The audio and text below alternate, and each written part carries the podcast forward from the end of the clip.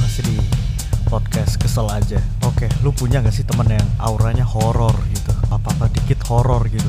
Lu nggak mau tahu dia cerita horor. Yang paling gedek, lu lagi ya udah nongkrong biasa, ya malam-malam ngopi ngerokok dan lu kayak harus masih pulang dan melewati jalan-jalan yang sepi. Tiba-tiba cerita horor, cuy. Dan ceritanya tuh bener-bener mencekam yang kayak, bro, gua ngelewatin jalan yang lu lewatin biasa pulang, bro. Nah, waktu itu gua ngeliat ke belakang, bro. Itu udah putih-putih, bro. Udah gua gas aja terus. Terus tiba-tiba putih-putihnya di depan gua bro. Ya gua gua gua pura-pura nggak tahu deh. Tapi gua kepo bro. Akhirnya gua lihat spion bro. Pas gua lihat spion tiba-tiba ada muka di spion gua bro. Ya anjing lu anjing, gua masih mau balik gitu loh. Dan ini udah jam 2, jam 2 malam, jam 2 malam. Please lo jangan cerita kayak gitu. Alhasil gue jadi nginep di kosan Kosan siapa ya? Ya pokoknya gue gak pulang ke rumah gara-gara lu. Dan besok pagi gue harus kuliah cuy. Kuliah cuy. Aduh aduh aduh.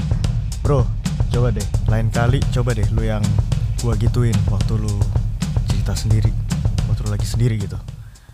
Tiba-tiba bro Lu tidur malam-malam bro. Ada yang nemenin lu bro. Ya gue harap yang nemenin lu bukan setan sih Tapi lebih ke gay